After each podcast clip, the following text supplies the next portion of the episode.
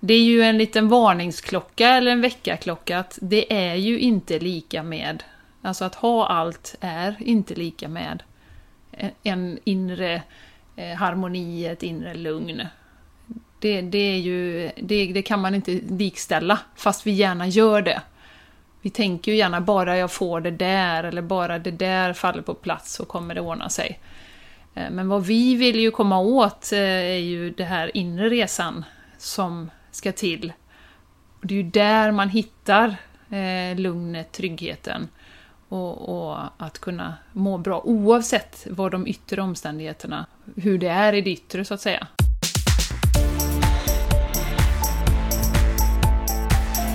Välkommen till Game Changers! Vi vill inspirera, motivera och stötta dig att leva din fulla potential. Hur kan vi tillsammans skapa ett liv som är hållbart för kroppen, själen och planeten? Vi bjuder på egna reflektioner och samtal med inspirerande personer, varvat med konkreta övningar. Vi djupdyker i allt från hållbarhet och entreprenörskap till spiritualitet och hälsa. Ett bra liv börjar med oss själva.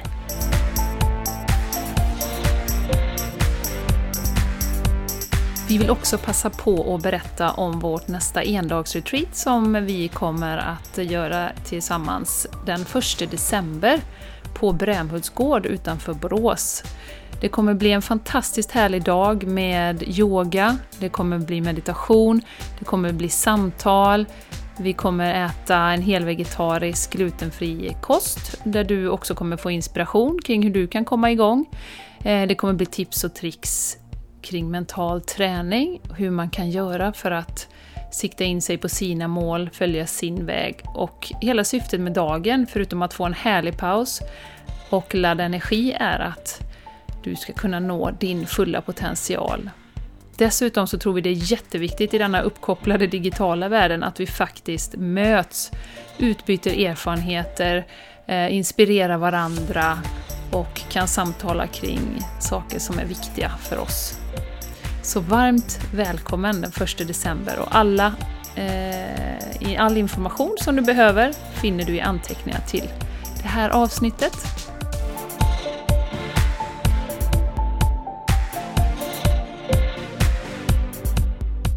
Hej Jenny och välkommen till våran podcast! Hej Jessica!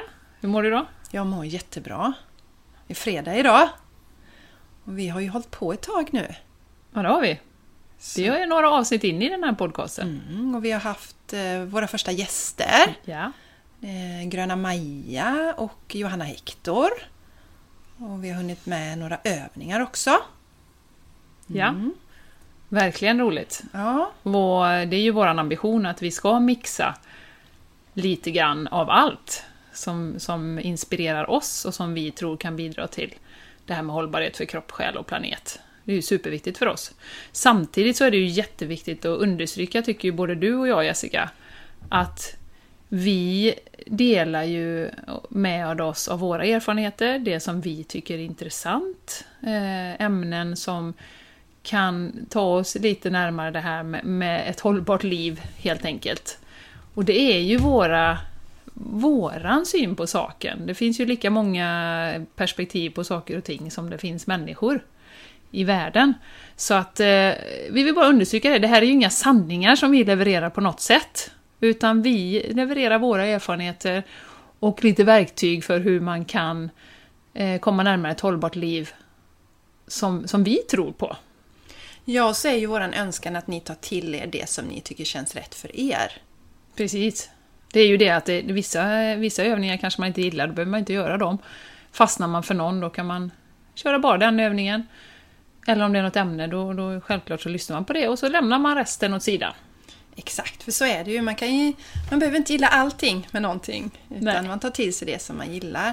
Och vi skulle gärna vilja mm, säga att vi uppskattar verkligen om ni skickar in eller hör av er till oss om önskemål gällande ämnen ni vill att vi ska prata om eller gäster ni vill att vi ska bjuda in. För den här podcasten, även om vi tycker att det är trevligt att sitta här, vi hade inte gjort detta om vi inte tyckte det var roligt och brinner för det här, så är det ju faktiskt också för er som lyssnar som vi gör detta. Mm. Så vi vill gärna ha en dialog där ni hör av er om saker som ni tycker varit bra och kanske mindre bra eller ämnen som sagt som ni vill att vi ska diskutera och gäster. Just det. Och man får gärna ge oss betyg och ge recensioner på iTunes. Ja. Så att vi får till oss det. Ja, precis. Det bästa är om ni kan göra det på iTunes, för då får man allt samlat på ett ställe. Mm. Just det. Eh, idag, Jessica, Mm. så tänkte vi beröra ett ämne som vi har funderat en del på. Och eh, vad är det? Jo, det är, är det okej att må dåligt när man har allt? Och anledningen till det är att det har dykt upp lite här och var nu. Vi har fått en del respons på vissa saker vi har gjort och sådär och vi har fått eh, hört från, från en del att eh, det är tankar som man har gått och burit på själv. Att eh, kanske sitter där och eh, har ett eh, lagom betalt eh, bra jobb och hus och barn och, och så känner man att något gnager. Men har på sig det från sig själv och även från samhället har vi en känsla av Mm. att eh, det är inte okej att må dåligt om man har allt inom citationstecken. Vi Just har det. ju en syn här i, i, i väst att materiell välfärd är samma som lycka. Just. Och det är ju bara att gå till Sverige och titta på hur det ser ut, som jag har nämnt någon gång tidigare med sjukskrivningstal. Att de skenar ju.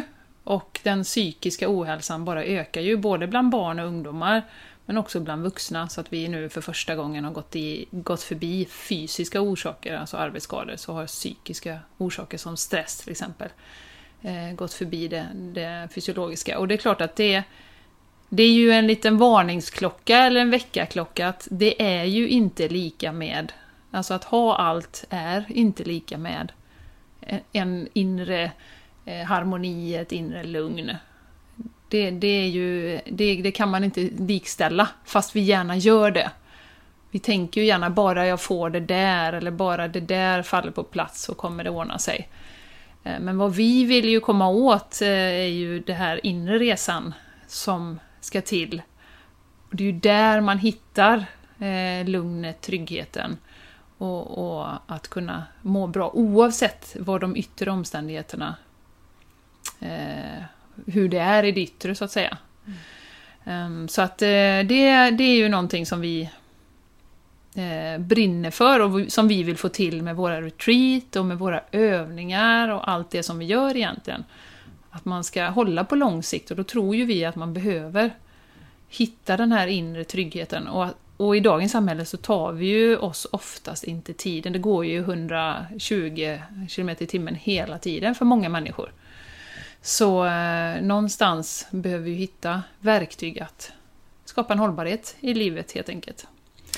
Ja, så jag tror det är viktigt att, att på något sätt eh, respektera att alla kan må dåligt oavsett social status. Och eh, vi fick ju en liten känga till oss för ett retreat som vi hade. Det var någon som menade på att eh, ja, men det där det är ju bara för de som har det riktigt bra ställt som kan gå på era retreat. Eh, sök upp någon som mår dåligt på riktigt och hjälp dem istället. Mm. Och det är ju en ganska otäck tanke tycker jag. För då landar vi precis det här att eh, nej, lägg locket på, kör på och vi funderar ju lite du och jag Jenny om det har samband med att vi har så många utbrända idag som inte lyssnar på sig själva, inte respekterar sig själva och helt enkelt bara kör på. För att man borde inte må dåligt. Nej. Man borde inte känna sig stressad eller vad det kan hända om eller känna att någonting skaver inom en för att man har det så himla bra. Sen ska man ju säga det också att nu finns det ju, alltså om du har ambitionen och viljan att vända någonting i ditt liv eller du känner att du inte mår bra och du inte har så mycket pengar och kan åka på retreat då kanske. Eh, så är det ju ändå så att det finns ju med internet nu för tiden eh, och podcasts och allting. Alla verktyg finns ju. Det finns ju meditationer på Youtube, det finns Eh, podcast för mental träning. Det finns, det finns sådana som våran podcast som syftar till att människor ska må bättre. Det finns hur mycket som helst som faktiskt är gratis. Så har du viljan och har du eh, ambitionen och, och vill göra en förändring så finns det ju material. Sen är det så att, att åka på retreat, det är ju, jag tror ju också i den här digitala världen att vi måste mötas eh, som människor. Eh, och där har ju du och jag pratat mycket om det här med pengar, alltså någonstans det är ju en energi som vi får tillbaka, men någonstans måste ju vi, om vi ska kunna fortsätta med det som vi håller på med, att, att eh, eh skapa en hållbar planet och kropp, själ, det här som vi pratar om, så behöver vi ju någonstans också få tillbaka i form av pengar. För får vi inte det om vi gör allting gratis, så, eh, så kan ju inte det ta större plats och vi kan inte göra fler grejer. Så, så det är ju en... Någonting som jag lärde mig tidigt när jag började jobba med, med kropp och själ, att, att man måste också våga ta betalt. Och nej, då är det inte för alla, men å andra sidan finns det väldigt mycket gratis material. Den här övningen som vi gjorde, Kom tillbaka till hjärtat, den körde vi på vårt endagsretreat, men den ligger också gratis på podcasten. Så att eh, det finns ju tillgängligt i vår värld idag, till skillnad från kanske 20-30 år sedan. Då var du tvungen att köpa en bok och faktiskt investera i kanske ljudband och vad det nu var, eller gå till, till en psykolog eller vad du nu gjorde. Och du var tvungen att lägga pengar. Men idag är det ju helt annat. Ja, men jag tycker det är en viktig del som du säger, för att eh, det är precis som att för både du och jag har ju en intention och en önskan om att faktiskt från hjärtat hjälpa människor. Och eh, det verkar finnas en konflikt där. Att har man den intentionen, eller rättare sagt om man tar betalt för sådana här tjänster så kommer det inte från hjärtat. Men mm. precis som du säger, att vi kan ju inte bedriva en ideell verksamhet för att då måste vi sluta sen för vi måste också eh, få mat på bordet. Vi måste få, också få in en inkomst. Och det är ju väldigt intressant för att, eh, om ett litet sidospår, om jag istället då, för jag är ju programmerare i grunden, om jag nu skulle starta ett jobb som, eller ett företag som konsult där jag erbjuder programmeringstjänster. Då är det ingen som förväntar sig att jag ska ge detta gratis till någon. Nej. Det är ju en helt annan inställning till ja. det. Och prylar. Mm. Inte förväntar man sig att eh, eh, Apple ska börja skänka telefoner till kreti och pleti.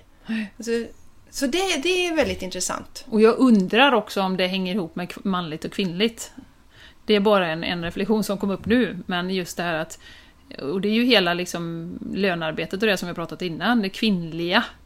Eh, som vi, eller de kvinnliga energierna, det som vi är närmare jorden och, och eh, närmare vår intuition oftast. Jag säger inte att det är så för energier, så att man, behöver inte, man kan vara kvinna och ha väldigt maskulina energier också. Eh, men jag undrar om det hänger ihop lite grann med det. Att det blir lite mjukt, lite fluff-fluff, lite lullull och, och då, då ska inte det kosta pengar.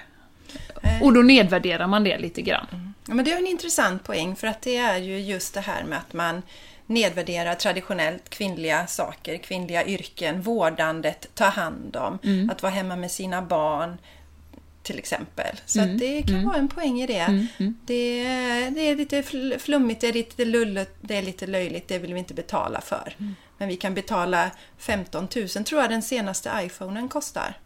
Mm. Ja, det kanske den gör. Ja, jag tror... jag köper bara begagnat ja. så jag vet inte. Ja, men som ett exempel. Ja, absolut. Eh, men du Jessica då, hur, för du... Eh, hur har du haft det när du växte upp och hur, hur, har ja. det, hur tänker du kring det här temat? Om det är okej okay att må dåligt? Jag, ja. jag har faktiskt jag har funderat mycket på det här för att jag har förstått det. Det har kommit till mig då från olika personer som har sagt det till mig. Och, att, och för mig kommer det lite som en nyhet, för jag kommer från en annan värld. Mina föräldrar skilde sig när jag var sex år och eh, det var eh, ganska mycket bråk innan dess. Och sen så blev min mamma sjuk. Hon är bipolär, manodepressiv kallades den sjukdomen tidigare. Och eh, jag var inte gammal när jag förstod att med den här bakgrunden så är det stor risk att jag kommer må dåligt i mitt liv. Så att när jag var runt 20 så gick jag till eh, BUM, heter det. Jag bodde i Borås då, barn och ungdomsmottagningen och pratade med psykolog för jag tänkte att här är det bäst att jag jobbar med detta redan nu för jag vill må bra. Och jag funderar på om det är detta som gör att jag mår så bra som jag gör. Jag är 46 år och jag har inte haft några kriser egentligen. Utan jag har alltid varit medveten om detta. Att jobba mm. med mig själv, söka mig. Eh, yogan har jag hållit på i många år med meditation. Eh, för att inte själv... Eh, jag hade ju till exempel en stark rädsla i många år att jag själv skulle få den psykiska sjukdomen som min mamma har då. Men den rädslan finns inte alls kvar inom mig. Mm. Sen ska jag säga också att eh, faktum är att jag har upplevt att mitt välmående balanserades ännu mer när jag la om till en växtbaserad kost. För att jag kunde tidigare kanske ha en tendens till att känna mig lite låg under vinterhalvåret. Och det har försvunnit. Mm. Och mm. även eh, PMS och sånt. Eh, att man känner sig arg och irriterad och mår väldigt dåligt innan mens. Det är också borta för mig eh, på en växtbaserad kost. Men just det här att för mig det var okej okay att må dåligt. Så att jag har ju lagt min kraft... Du har det med dig ja. så att säga, från början. Mm. Och du Jenny, du kommer ju från en annan eh, traditionell... Eh, om man sett utifrån så har du haft en stabil och bra eh, uppväxt. Dina ja, föräldrar lever ja. tillsammans och sådär mm. fortfarande. Ja, det gör de. Har du känt att du har fått må dåligt? Um, ja, alltså det, som, som du säger, utifrån sett så eh, har det ju varit en väldigt eh, stabil uppväxt egentligen. så. Eh, med två eh, yrkesarbetande föräldrar, akademiker och två bröder och, och så. Eh, sen är det klart att vi hade ju våra problem också. Det var ju inte helt smärtfritt, eh, självklart. Men i det stora hela en, en bra uppväxt. Eh, sen hade jag ju ett tonår, jag har ju skrivit dagbok sedan jag var fyra år och gör det fortfarande. Eh, så att jag, man tenderar ju att glömma vad som hände. Men, men där var det ju liksom en väldig upp och ner och, och hit och dit. Ena dagen så var jag på topp och andra dagen så var det i princip självmordsbenägen. Fast inte riktigt på riktigt, men, men styrd av omvärlden beroende på vad som hände. Och det är väl vanligt i tonåren så, kan jag tänka mig. Så jag har eh, haft en bra uppväxt och eh, det jag kan känna idag är att jag har fått alla förutsättningar för att vara en, liksom, en självständig eh, tjej som, som gör som jag vill, egentligen. Eh, och eh, det här med att må dåligt, jag har ju också ganska tidigt förstått det här med att man, man skapar sin egen lycka. Lite grann. Och att det är inte beroende på någon annan eller på vilka grejer du har.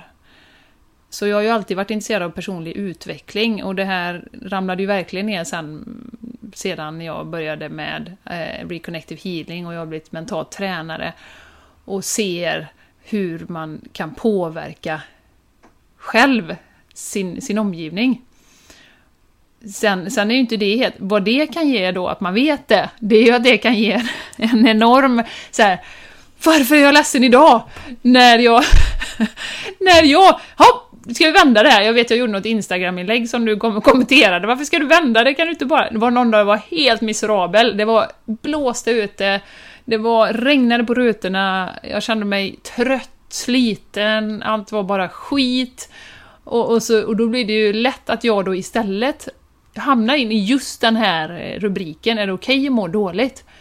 Jag inte bara har allt, en fin familj och hus och, och sådär, och jobb och allt det här. Men jag vet också hur man ska vända när man mår dåligt. Så att då blir ju det nästan som en extra frustration. Eller så, som sagt, det blir inte, det blir inte att må dåligt, utan det blir en frustration i att ah, shit, nu vill jag vända det här. Eh, så det är ju en, en, eh, någonting som jag får jobba med. För att det, det alltså att, att våga vara där. Och lite som du sa, hänga på det att är det, är det så vi tänker de flesta, nu kanske inte alla är mentala tränare och exakt vet hur man vänder när man mår dåligt, men att man har den här känslan hela tiden att shit, jag har allt. Jag har allt om man tittar utifrån. Får jag vakna en dag och må riktigt jävla skit, så, och liksom känna mig kass. Och hur länge ska jag göra det i så fall? Så att, ja. Mm. Det som, när man jobbar som vi gör Jenny, med meditation och yoga, eller våra verktyg som vi har. Det jag tänker utifrån mitt perspektiv, det är att vi hittar en stabil grund. Mm. Sen kommer det ju gå upp och ner i livet för oss. Mm. Olika dagar. Man kan vakna och må dåligt. Man kan ha drömt någonting den natten. Det kan vara intressant att för vad är det som har satt mig i det här tillståndet? Jag tycker det är intressant att analysera. Men man behöver inte alltid analysera. Men däremot så har jag eh, känt att vara kvar, jag är kvar i den känslan istället och ser vart bär den mig? Och det här tyckte jag var fruktansvärt läskigt förr. Mm. För att må dåligt, lite dåligt för mig, det var oj shit, nu håller jag på att bli psykiskt sjuk som mm. min mamma. Mm. Det, det, var en jätterädsla för mig. Så att jag vågade inte alls stanna i de här utan vänd på det och så sätt på ett leende så tsch, hela världen är jättebra liksom. Tryck ner. Men på senare tid så har jag experimenterat med det här att vara kvar i den känslan. Och har man en grund och stabil bas att stå på så vänder detta. Mm. Det, det, det, växlar precis som allt annat. Precis som man en dag kan vakna och känna Jädra vad jag mår bra idag! Fast det egentligen inte finns någon anledning. Mm. Mm. Eh, och se den här, men det är ju inte så att eh, om man absolut inte tar hand om sig och det börjar gå ut för och man kanske hamnar i depressioner och då, då är det ju dags att söka hjälp eller hitta sina verktyg. Men det här eh, måendet, jag tror att vi ska tillåta det. Mm. Eh, det är inte fult att ha en då, dålig dag. Det är ganska intressant faktiskt. Mm. Få stanna. Sen är det ju en annan sak vad man gör med det. Om jag vaknar och känner mig riktigt sådär ruggig en dag så behöver jag kanske inte ta ut det på hela min omgivning utan vara medveten om hur jag beter mig under resten av dagen till exempel. Mm, var öppen med det. Ja. Att idag mår jag inte så bra, idag är jag Nej, trött. Precis, och det ligger hos mig. Det ligger inte hos er runt omkring då. Men hur gör du då en morgon? Säg att du vaknar och mår riktigt dåligt och bara känner att nej, jag har inte lust att gå utanför dörren och jag vill att alla eh, ska låta mig vara i fred här. Hur gör du då för att, att, gå in i känslan? Gör du någon särskild övning eller något verktyg? Eller har du så? Ja, det jag gör då, för att jag tycker som sagt det är intressant att se var känslan kommer ifrån. Eh, och eh, jag brukar sätta mig, eh, meditera i stillhet. För ofta så finns ju den här känslan redan på morgonen som du beskrev, så upplever jag det i alla fall. Och eh, då har jag möjlighet så sätter jag mig i stillhet, stilla meditation och eh, lyssnar inåt och så tar jag kanske fram min, eh, min dagbok eller mina morning pages och så skriver jag. Och eh, då kanske de första raderna står att Shit vad jag mår dåligt, för det är ju det liksom... Vad, vad, ah, vad jag mår vad är dåligt morning idag. pages om det är någon som lyssnar första ah, gången? Ja, morning pages. Det är alltså ett, ett verktyg man använder för att det första man gör på dagen så sätter man sig ner och så skriver man tre sidor. Och det handlar om att få ur sig ehm, eh, precis det man känner. För under det här så ligger det intressanta. Så att ni har skrivit och det tycker jag också är jätteviktigt att skriva då. Jag mår så jävla dåligt idag. Mm. Fan vad livet är pissigt. Alltså ut med känslorna! Det här ska man inte visa för någon, inte läsa själv sen heller kanske. Men ut med det! Och sen efteråt så kan det komma, och det kan vara som till exempel så kan det vara någonting jag har drömt det triggar någonting i mig som jag behöver jobba med. Och bara genom att eh, hur ska jag säga, undersöka den här känslan och acceptera den, för det gör jag ju i det. Jag, jag, jag vänder och vrider på den och tittar på Då börjar den sippra, för mig, då börjar den liksom lägga sig. Och kanske den dröjer kvar under dagen, men den skrämmer mig inte. Jag är inte ett dugg rädd för den. Jag låter den vara där. Mm. Och sen nästa dag, ja den kanske är kvar, då kanske jag gör det samma arbete. Mm. Men för mig i alla fall så är det nästan alltid vänt dagen efter. Då är det borta. Och då är det inte så att jag har tryckt ner det och lagt locket på och satt på leendet och gått iväg. Nej. Nej, och det är ju, och det, vi har ju pratat om meditation som vi båda utövar. Och, och yoga. Och det är ju vad man nu har för verktyg. Det kan ju vara en promenad eller något annat. Och, och hela syftet med det, om man gör det kontinuerligt, är ju att de här topparna och dalarna blir ju kanske inte lika... Eller framförallt dalarna blir inte lika djupa. Utan att du har det. Eh, du har gjort kontinuiteten, du har en stabilitet, en inre trygghet, ett inre lugn. Och det påverkar dig i, i de här ögonblicken när du känner att ah, nu är det ingenting som är bra. Jag tror att, det känns så i alla fall, jag vet jag hade ju en period i, i höstas som var jätte, jättestressig. Men jag gjorde ju yoga och meditation varje dag. Tog den tiden. Och jag kände att wow, jag behöver verkligen det här nu. Och jag tror att det gjorde hela skillnaden under den perioden, faktiskt. Att man hittar någonting kontinuerligt där man kan landa in i sig själv och som du säger, låta känslorna komma då. Sen har jag jättesvårt för det. Jätte, jättesvårt att, att, att sitta med, med olika känslor för att Just för att jag, jag har egentligen ingenting att vara ledsen över. Alls. Utan jag har allting och jag vet dessutom hur jag borde göra för att vända det. Ehm, så att eh, det, det, det är svårt, men det är ju en träningssak också. Att faktiskt låta känslorna komma fram. Och jag vet som Guru Singh säger, som vi eh, lyssnar på en del, han har också en podcast som vi kan, vi kan länka till i anteckningarna. Han säger ju det att eh, alla känslor som du sitter med tillräckligt länge vänds till glädje. Så att det ligger ju någonting där. Att om du bara låter det få komma upp så kan du. Men lägger man locket på, mm. lägger locket på, lägger locket på så leder det till sist tror jag till, eller det finns en risk att man börjar må dåligt, man kanske exploderar. Mm. Men just den där att inte vara rädd för det. Så mm. Testa och se vad som händer. Världen rasar ju inte samman. Och Det behöver ju inte vara någonting i ditt liv just nu som du mår dåligt av. Det kan vara något gammalt som kommer upp. Mm. För börjar man jobba med sig själv, med meditation och med yoga, då kommer man ju också, det pratade vi lite om på vårt senaste retreat, när man går, går, går liksom längre ner. Du går ner förbi de här ytliga tankarna och längre ner.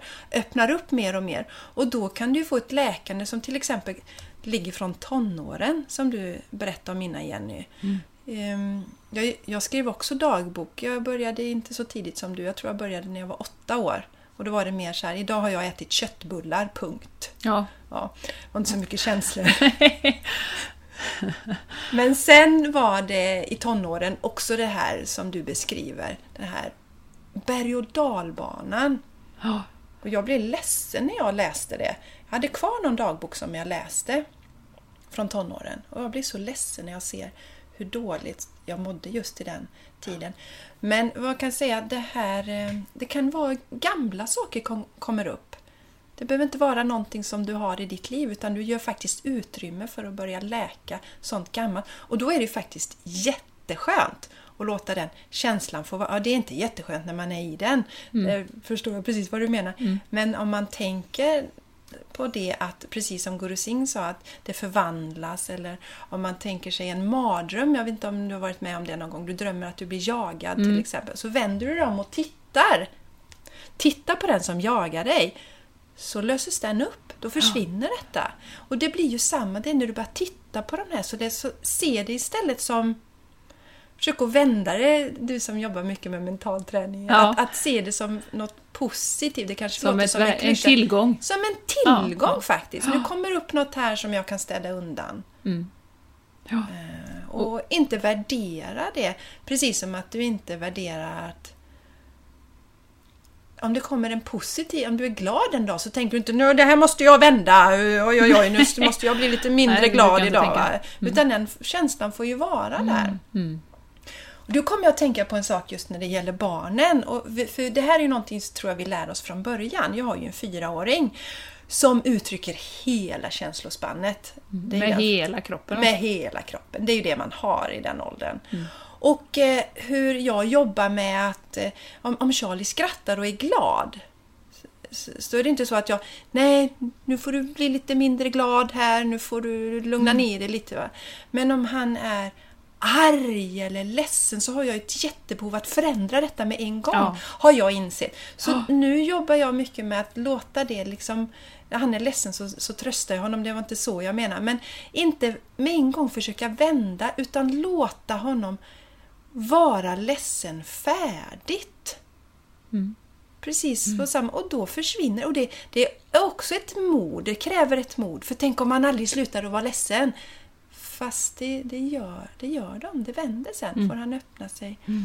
Jag hörde en sån fin berättelse, det var en mamma som berättade eh, om, som lämnade sitt barn på dagis och eh, barnet var ledset, var lite äldre det här barnet.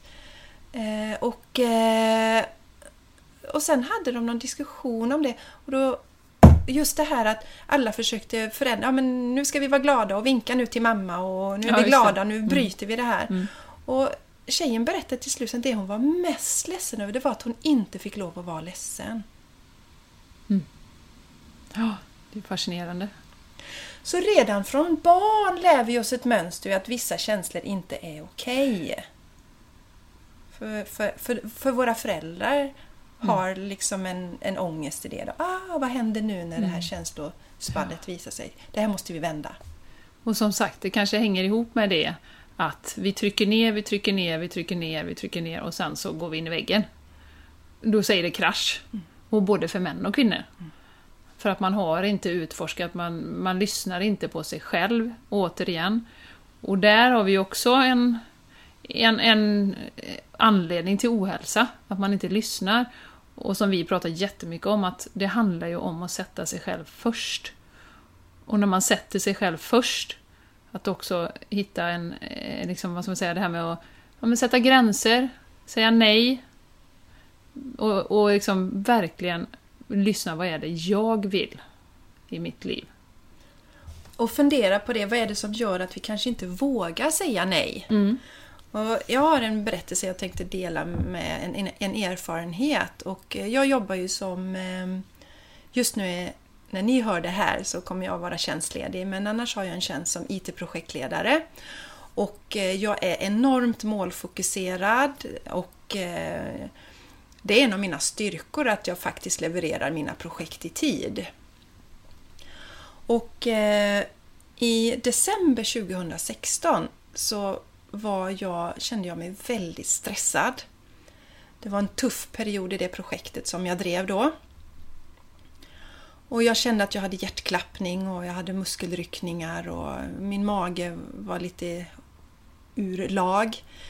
Och då gav jag ett löfte till mig själv att nu är det slut med det här. Nu är det slut. Enough.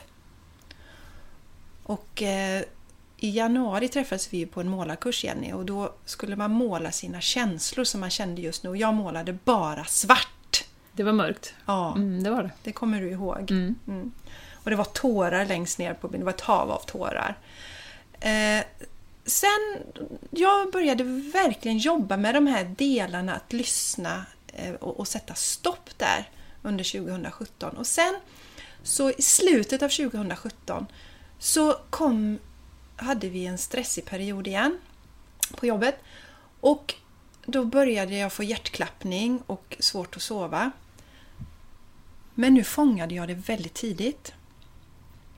Och eh, jag bestämde mig, eller rättare sagt nu, nu, nu det stämmer jag, jag kom aldrig så långt till hjärtklappningen.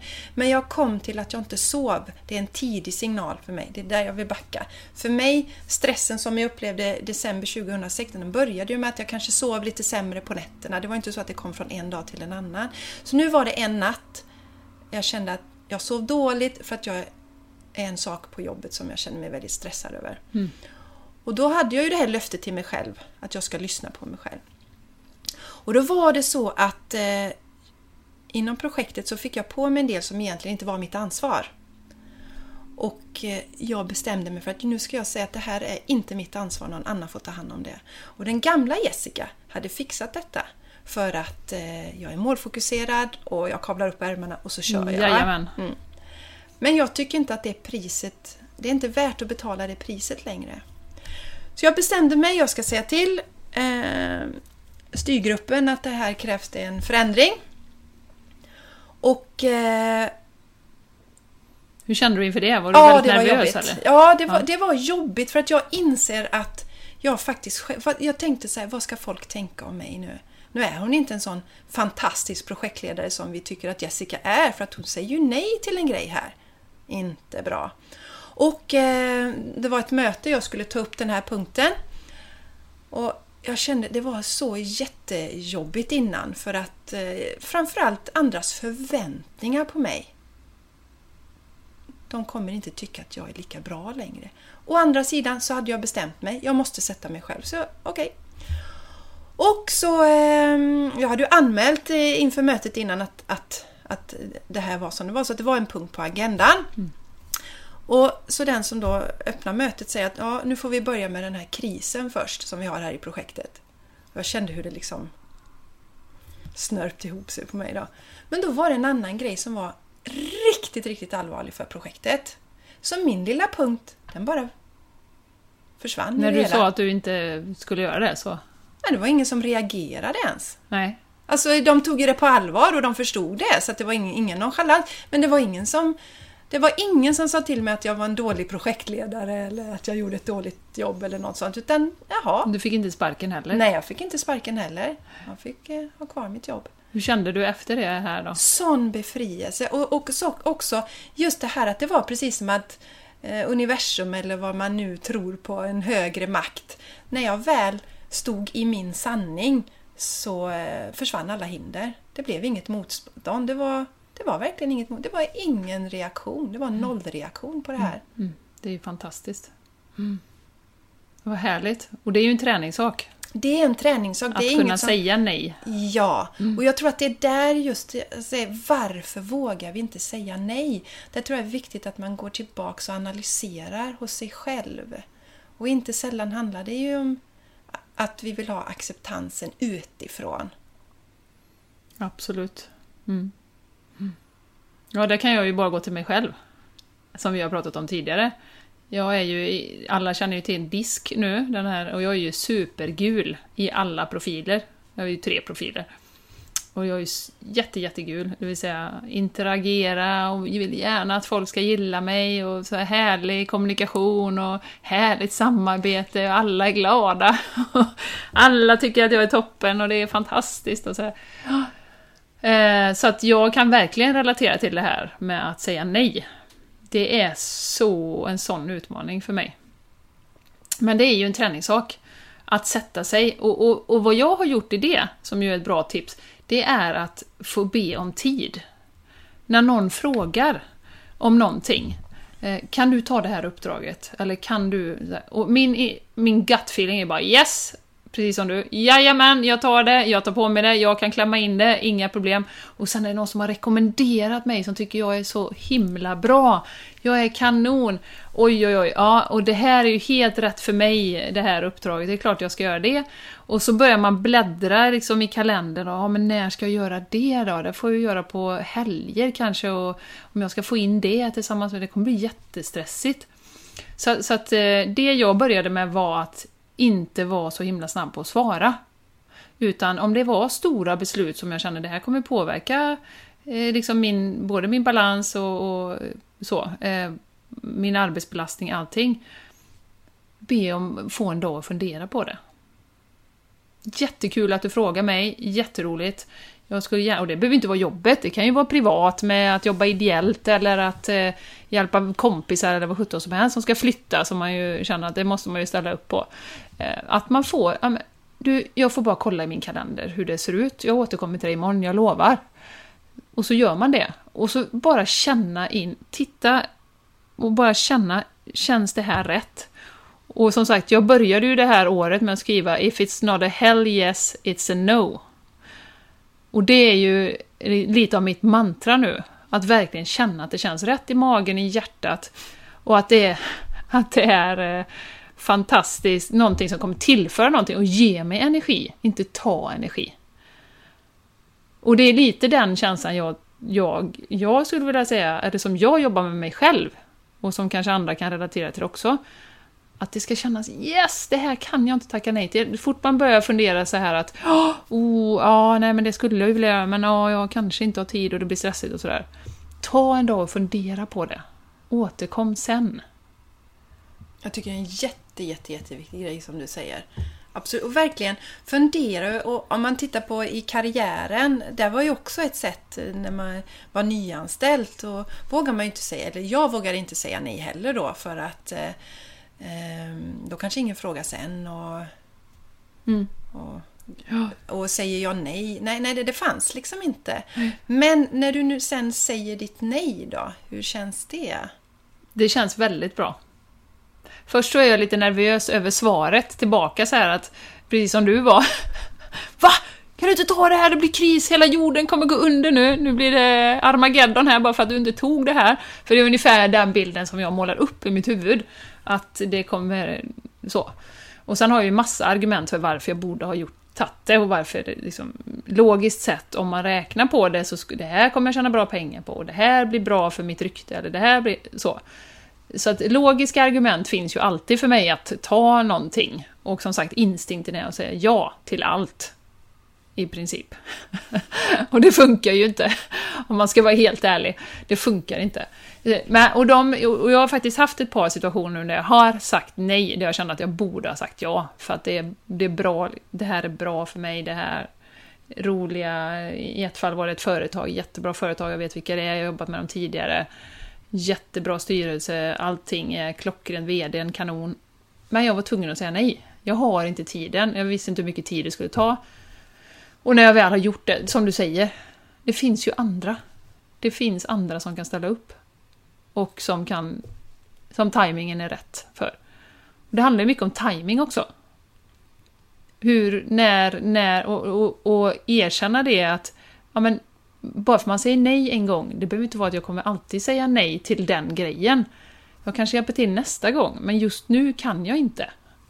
Så att det, det är också det här med, det är inte för alltid, utan du säger nej och det känns så himla gott. Och det är precis som du tog ett exempel när du sa nej och att man står stark i sig själv och sin egen sanning. Man bygger ju på sitt, sin integritet, eller vad man ska säga, och sin, sin självkänsla när man vågar stå för vad man faktiskt vill och inte bara säga ja till allting. Och oftast när man är ärlig, och tänker jag jobbsituationer, ja, men jag kan inte göra det, det kommer inte bli bra kvalitet om jag tar på mig detta också. Det kommer inte gå. Så säger ju projektet runt omkring, eller vilka det är, aha, nej men då får vi hitta en annan väg. Och så är det inte mer med det. Nej, det är en jätteviktig aspekt ja, för att man vill ju också känna att det är bra det som man levererar. Mm. Och känna att man verkligen kan leverera någonting bra och inte göra någon halvmesyr. Eller ehm, betala ett sånt pris som ju då händer i, alldeles för ofta. Att man går in i väggen, som vi ser många Mm. gör idag. För att man, man säger ja till allting. Ja. Och där är ju också jätteviktigt eh, för, för oss också att ta till, alltså lära oss om någon säger nej till oss. Att acceptera nej från andra. Det är ju jätteviktigt, även i det lilla. Som du nämnde här om någon ber en om hjälp med en, eh, eller om jag ber eh, dig om hjälp med en flytt. Då ska jag ju kunna ta ett nej från dig som, som en vän också. Eh, Det är ju någonting, och, och även ute på, om, om du har sagt nej en gång behöver inte betyda att du säger nej nästa gång. Att våga fråga igen, till exempel. Men ha en öppen och ärlig dialog kring delarna. Både i det privata och ute på arbetsplatserna tror jag att vi behöver. Absolut, och det här att skilja på... eh, Det pratar man ju ofta om i kommunikation och feedback och så. Med att skilja på sak och person. Och det tror jag också är en, en nyckel i det här. Att om du säger nej till mig så innebär inte det att du inte gillar mig och att vi inte ska vara kompisar mer. Utan det innebär bara att du kan inte just nu. För att din timing är inte rätt och du har hundra andra saker att göra just den helgen. Ehm, men det kräver ju också en, det här som vi kommer tillbaka till. En krockkudde, att man har en, en grundtrygghet i sig själv. Att man inte ser att allt det som alla andra människor gör har med mig att göra. Nej, det har med deras liv att göra faktiskt, och deras situation. Eh, man tenderar ju att förstora upp sin egen betydelse åt båda hållen där faktiskt, eh, tror jag. Eller det gör jag i alla fall. Ja, men det, det kommer lösa sig ändå, det är någon annan som kan gå in och göra det. Och sen är det ju också det här med, som du säger, de, de här egenskaperna som vi värderar i samhället de här maskulina liksom, drivkraft och jajamän och nu kör vi och eh, vara en, en ja-sägare liksom, som är med på allt och vara kul och sådär. Det värderas ju väldigt högt. Att man är med, att man tar för sig, att man ska eh, jobba så mycket det bara går. Men eh, så jag tror att det, som sagt, det ligger ju också där och, och pyr lite grann på, på ytan att vi ska ställa upp, vara schyssta och, och så. Ja, och att eh, vi är det vi presterar på något sätt. Ja. Vi är inte det vi är, utan det, det är outputen, vad vi gör. Mm. Hur mycket vi gör och hur mycket vi kan få in i vår kalender som är oj, oj, oj vad den personen hinner med. Mm. Så. Mm. Och där, där är jag ju inne i en jätteresa nu och håller på att skala bort. Och verkligen vara, det har vi pratat om innan, vad är det som ger mig energi? Vad är det som inte ger mig energi? När är jag trött? När jag liksom kommer från någonting, vad är det som tar energi? Och när blir jag, wow, det här känns helt rätt. Då. Så att, att återigen, bara lite medveten. Och, och ska man öka medvetenheten så behöver man hitta de här stunderna av stillhet och självreflektion. Ja, och, och lyssna på de tidiga signalerna. Som sagt sådär när, när jag såg att nu kom det, nu sov jag dåligt en natt och det vet jag är en tidig signal på mig. Vi har ju mm. säkert mm. olika signaler där. Ja. Men vad jag tror så är det ju ganska många som drabbas av eh, sömnstörningar i ett tidigt skede. Och sen kan det, men just fånga upp de tidiga signalerna och respektera dem redan då. Mm. Innan det går för långt. Mm. Mm. Ja. Och vi brukar ju, eller vi pratar ju om det, men eh, vi, eh, det finns ju en väldigt intressant bok som heter Blue Zones. Det är ju en kille som heter Dan Butner som har forskat på ja, men hur gör man Eh, vad, vad gör de som lever länge? De samhällen på världen, jag tror det är fem eller sex olika. Det är någon ö i Japan och så är det något ställe i Kalifornien och sådär. De lever väldigt, väldigt länge och väldigt hälsosamma. Och där är det ju eh, inte då materiellt välstånd eh, som är nyckeln, utan eh, det finns ju flera nycklar och jag kommer inte ihåg alla. Men en av dem är ju det här med sociala relationer. Att man har nära vänner, att man har någon att prata med. Att man har en, tillhör en, en community eller en, en grupp på olika nivåer då. Det är jätteviktigt och det är en nyckel i alla de här samhällena, att man faktiskt stöttar varandra och att man, man finns där för varandra då. Så att eh, det är ju inte bilen utanför utan att du har ditt sociala sammanhang som är jätteviktigt för oss som människor. Mm. Och det kan man också tänka på när man fyller sin kalender med en massa aktiviteter. Vad planerar jag in för att träffa mina vänner, de som får mig att må allra, allra bäst? Planerar jag in det på samma sätt som jag planerar in att gå och klippa mig eller att gå till tandläkaren eller vad det nu kan vara. De här, eller jag ska gå och träna, så. Det, det har jag skrivit in. Men sen blir det så här, oj, nu har det gått ett halvår utan att man har träffats och då kan jag bara gå till mig själv. Det tycker jag är väldigt... Och tiden bara rusar på. Men ta, ta lite, liksom, lite skår på vilka är det jag verkligen som får mig att må bra. För det är en jätteviktig faktor för att man ska må bra i livet. Mm. Att faktiskt ta tid för sina vänner och sin familj och, och de som får en att må bäst. Precis, och, och då, då, ser vi ju gärna om vi tittar på så som vi lever idag. Många av oss jobbar heltid och man går igenom småbarnsperioder, man hämtar och lämnar på dagis. Och det finns, inte, det finns egentligen inget utrymme till att andas eller till att umgås. Och då är det också det viktigt att tänka um, om man till exempel som du säger jobbmässigt då som du berättar, du fick de här intressanta, wow det här och åh jag jag, jag vill inte säga nej för det känns så... Alltså, ja, allt logiskt säger att jag borde säga ja till det här då. Och så som du sa, att jag, jag kanske får jobba lite på helgen. Det som händer då är ju att det går ut över din relation med din familj. Mm. Det som är egentligen våran grund i vårat, som vi, som vi ibland, tycker jag, värderar alldeles för lågt. De ska liksom, våran, våran partner ska finnas där. Vi tar våra partners för givet. Eh, på ett annat sätt som vi inte gör jobb. Vi, vi, vi gör större insatser på vårt arbete än vad vi gör hemma i våra relationer. Och då, eh, då enligt de här The Blues så är det relationerna som är så oerhört viktiga för, för vårt välmående. Mm. Som vi bara lägger på soptippen i ja, princip. Absolut. Och det hade ju eh, faktiskt jag och min man ett tag under småbarnsåren när det var som, som eh, mest hektiskt. Alltså vi planerade faktiskt in en dejt eh, varannan vecka eller vad det var. Och så skaffade vi barnvakt och så, så gick vi iväg och gick ut och käkade och, och gick på bio eller någonting. Och det tror jag gjorde oerhört mycket för vår relation, att vi bara fick den tiden att sitta och prata och, och, och så. Så att det är ju verkligen ett, ett tips som har funkat för mig. Att planera in den tiden också. Mm. Och jag tror att du vet ganska bra vad du pratar om Jenny, för hur länge har ni varit tillsammans du och din man egentligen? Eh, nu satte du mig på... Nej, vi har varit ihop i 20 år i år. Mm. Ja. Mm. Så du vet ju lite vad du pratar om där och hålla en relation vid, vid liv ja, så att säga. till skillnad från dig. Ja, till, ska vi inte prata om.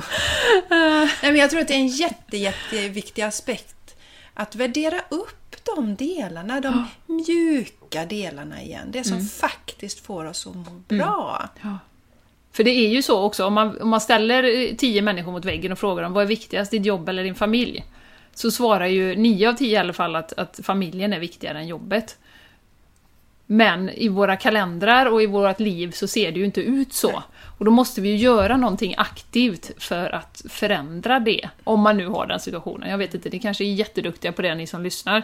Men eh, det är ju återigen det här att planera in, även om det känns tråkigt. Nu ska jag planera en dejt med min man. Ska det behövas liksom? Nu ska Men, jag ha sex på torsdag. Ja, till exempel. Det kan man också planera in, det är också ett tips faktiskt.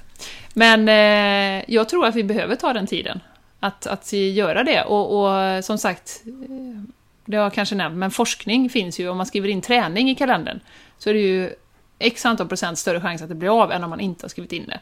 Så det är ju samma med det här, med det privata, med vänner.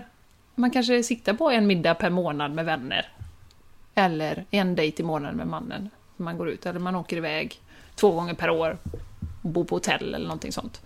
Så jag tror det, och, och, om man då kopplar tillbaka då till vårt välmående och hur vi ska hålla på sikt, folk som mår bra länge, så är det relationerna, dina vänner och familjen som är så viktiga för att du ska kunna ja, må bra, helt enkelt, på lång sikt. Så att jag, mm, det är en, en verkligen en, en sån nyckel, tror jag. Mm. Som vi underskattar, som du säger, mm. jättemycket i det här samhället. Mm. Ja, det är jätteviktigt, jättebra.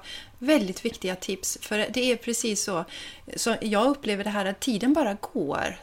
Och sen är det, om man nu tittar på relationen, så, så, så står det en person där i, och så, så känner man inte den personen längre mm. i princip. För att man mm, det kanske är det som händer många. Som, mm. Ja, mm. När man inte har lagt någon tid på relationen Nej. så plötsligt så är man För det är ifrån bara, varandra. Ja, det är bara att titta i sin kalender, som du säger, hur mycket tid avsätter jag för min relation mm. egentligen. Mm. Ja. Ja, Jessica, nu har vi utforskat det här ämnet lite grann.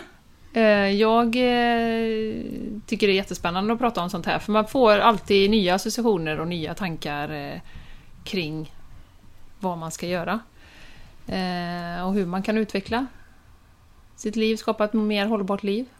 Ja, vi pratade lite innan vi startade just det här med att planering versus go with the flow.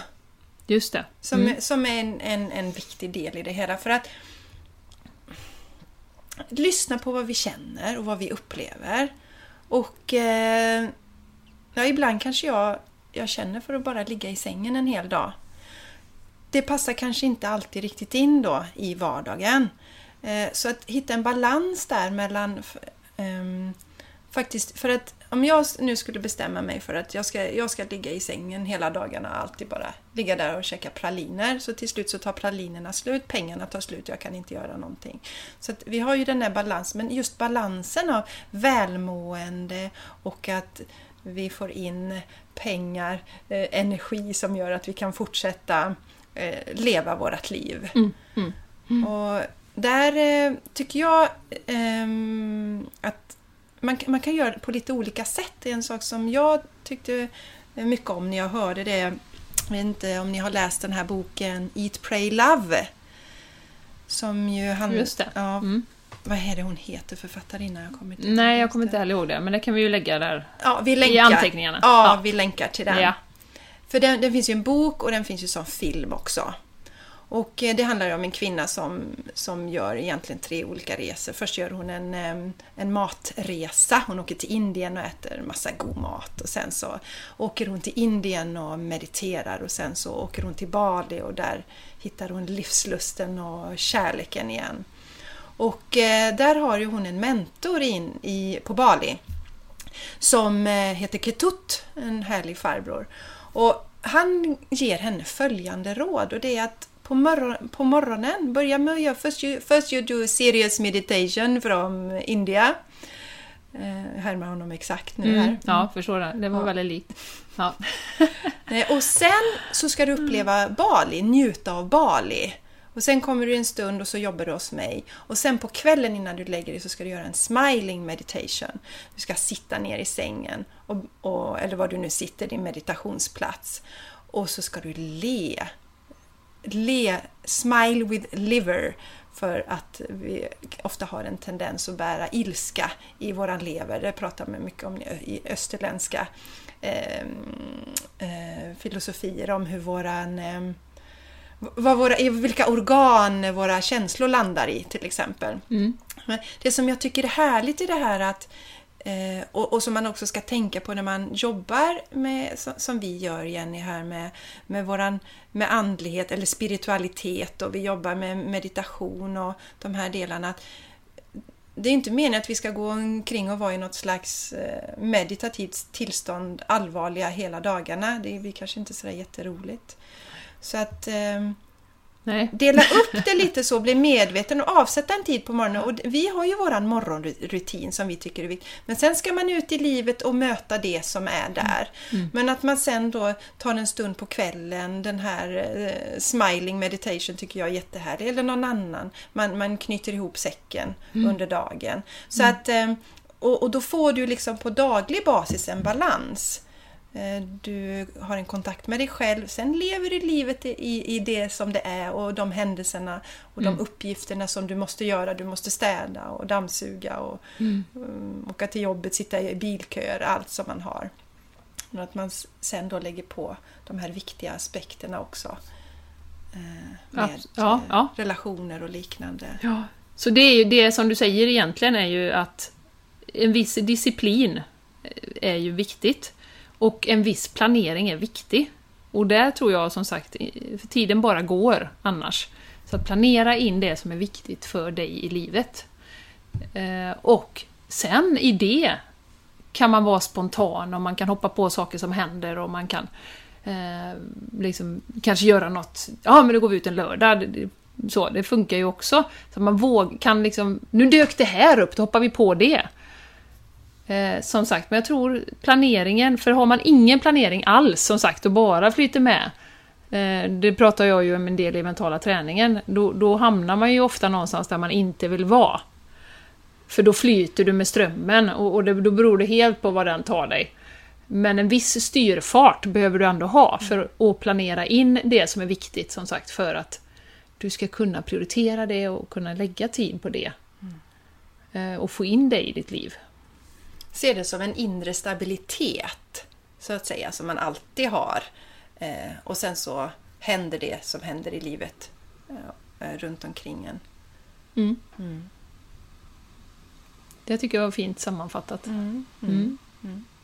Ja, Ja, Jessica. vi, eh, vi eh, har väl pratat rätt så mycket om det som vi tänkte idag. Ja, Är det okej att må dåligt fast man har allt? Och svaret är ju nej. Det är Nej. egentligen inte okej. nej, men bara, jag tror bara att bli medveten om den inställningen som samhället har, eller som vi kollektivt har, att nej, det är egentligen faktiskt inte okej. Nej. i det här samhället. Och är man bara, har man bara liksom kommit upp till den medvetenheten om vilka krav och förväntningar samhället ställer och hur du ska må när du har allt, då har man ju kommit en bit på väg och då kan man kanske tillåta sig, precis som du säger, att dyka ner och vara riktigt, riktigt kass en dag och sitta med det och ta det med sig under dagen och det är inte farligt. Och kanske prata med någon om det, prata med din chef eller prata med din man eller din fru eller att man vågar vara där. Bara att man kommer upp till den eh, tanken att okej, det, det, är faktiskt, det är faktiskt helt okej att att inte må så bra en dag. Då tror jag att man tjänar mycket att man kan på sikt vara stabilare som sagt och de här dipparna blir inte riktigt lika djupa som de kunde blivit annars. Eller att man behöver gå hela vägen, trycka undan och sen gå in i väggen. Nu kanske inte det är alltid processen som är innan man går in i väggen, men, men eh, jag tror att det är en, en jätteviktig, eh, ett jätteviktigt steg mot att, att faktiskt kunna må bättre på lång sikt. Då. Jag tycker det är jättebra. Jag tycker det är perfekt att avsluta med detta, Jenny. Och eh, vill verkligen tacka alla som har lyssnat, som har lyssnat så här långt på den här podcasten. Och vi hoppas att det ger er inspiration till att göra förändringar i era liv som gör att ni mår bättre. Absolut, och lite tankeväckande. Mm. Tusen tack för att ni var med oss! Tack vi hörs mycket. igen! Ha det så bra! Ha det bra!